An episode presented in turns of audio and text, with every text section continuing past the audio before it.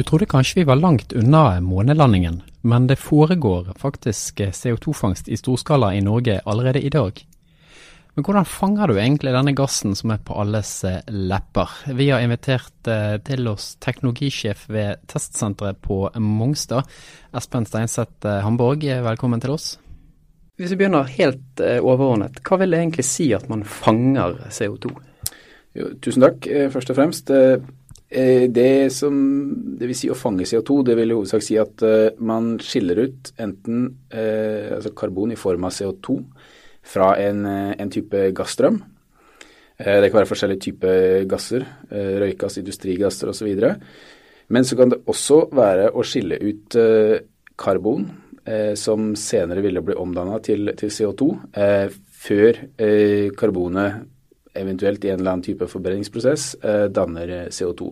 Og man da skiller det ut eh, før det er blitt CO2. Det mm. kan man også referere til som CO2-fangst. Og, og, hvor mye kan man, kan man, egentlig fange? Altså Blir man kvitt alt? For dette, dette er jo et spørsmål om å, å få ned utslipp til, til atmosfæren, jf. klimautfordringene. Hvor, hvor mye klarer man egentlig å fange? Det, det, vil være veldig eh, avhengig fra altså, type industriprosjekt. Og eh, noen CO2-fangstprosjekter, slik som eh, Sleipner, eh, Snøhvit, eh, som er storskala CO2-fangst og -lagring, som pågår nå i, i, dag, så skiller man ut eh, CO2 ned til en viss spesifikasjon, slik at man kan selge naturgassen på det åpne markedet.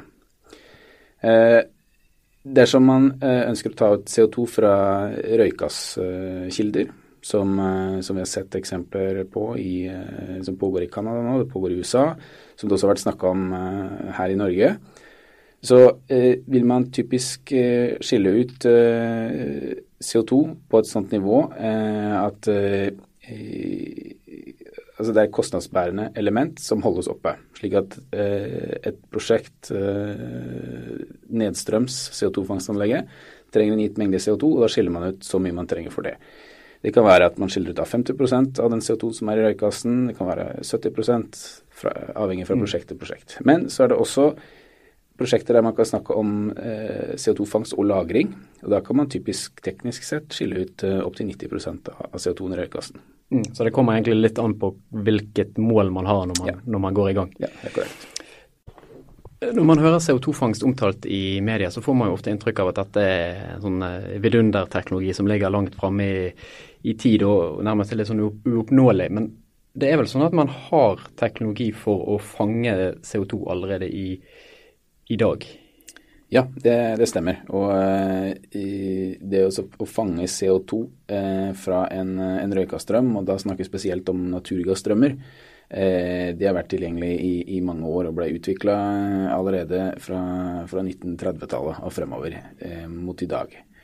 Og i dag her i Norge så ser vi spesielt to prosjekter der, der det pågår CO2-fangst og -lagring i, i, full skala.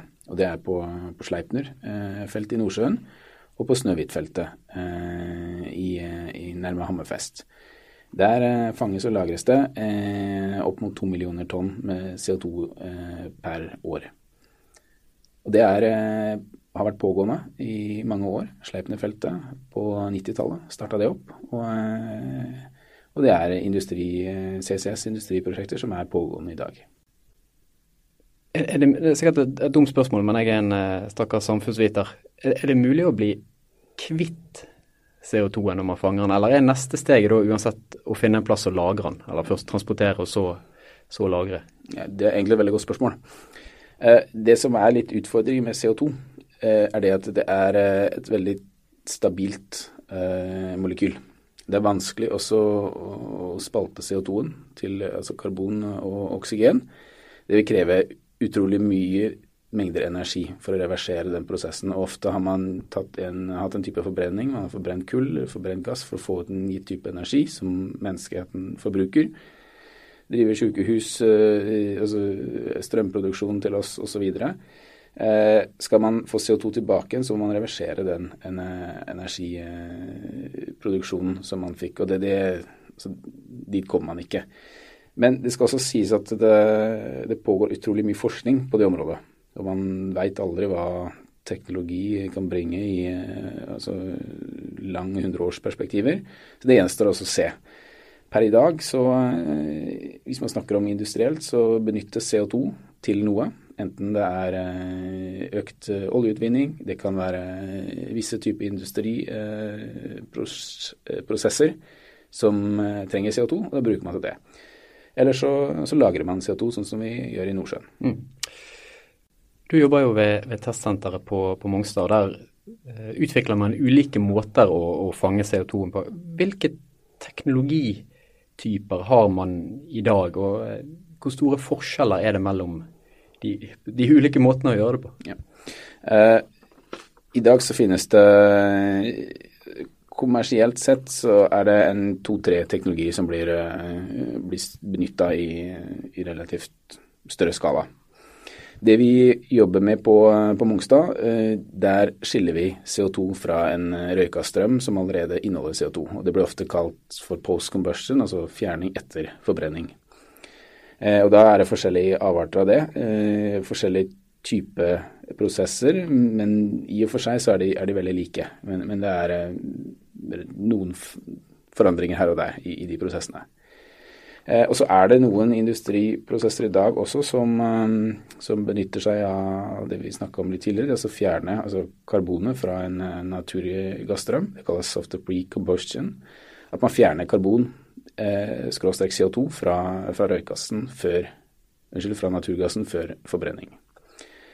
Andre prosesser vil kunne forbrenne naturgass Eh, andre fossile brensler med rent oksygen. Det kalles ofte oxycombustion.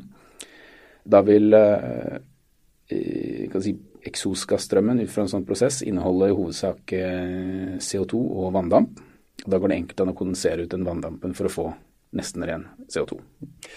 Hvilke aktører er det som, som utvikler denne teknologien? og Jeg antar du har tenkt å gjøre noe i næringsvirksomhet ved å enten bruke den sjøl eller selge den til, til andre? Ja, stemmer. Og um, her er det mange aktører som er med på å utvikle teknologier. og Vi kan starte litt med altså bildet her i Norge. Uh, jeg vil si at Aker Solutions sitter spesielt i et, i et førersete for å implementere og, og, og demonstrere og, og, bygge teknologi her i Norge. Eh, bak det så er det veldig mange forskningsinstitusjoner, universiteter og høyskoler eh, som er med på å utvikle det fundamentelle og grunnleggende rundt disse teknologiene. Eh, her i Bergen så er universitetet veldig aktive. Sintef er med. Universitetet i Oslo, NTNU, NMBU. Det som tidligere var Høgskolen i Telemark, som nå er Høgskolen i Sørøst-Norge.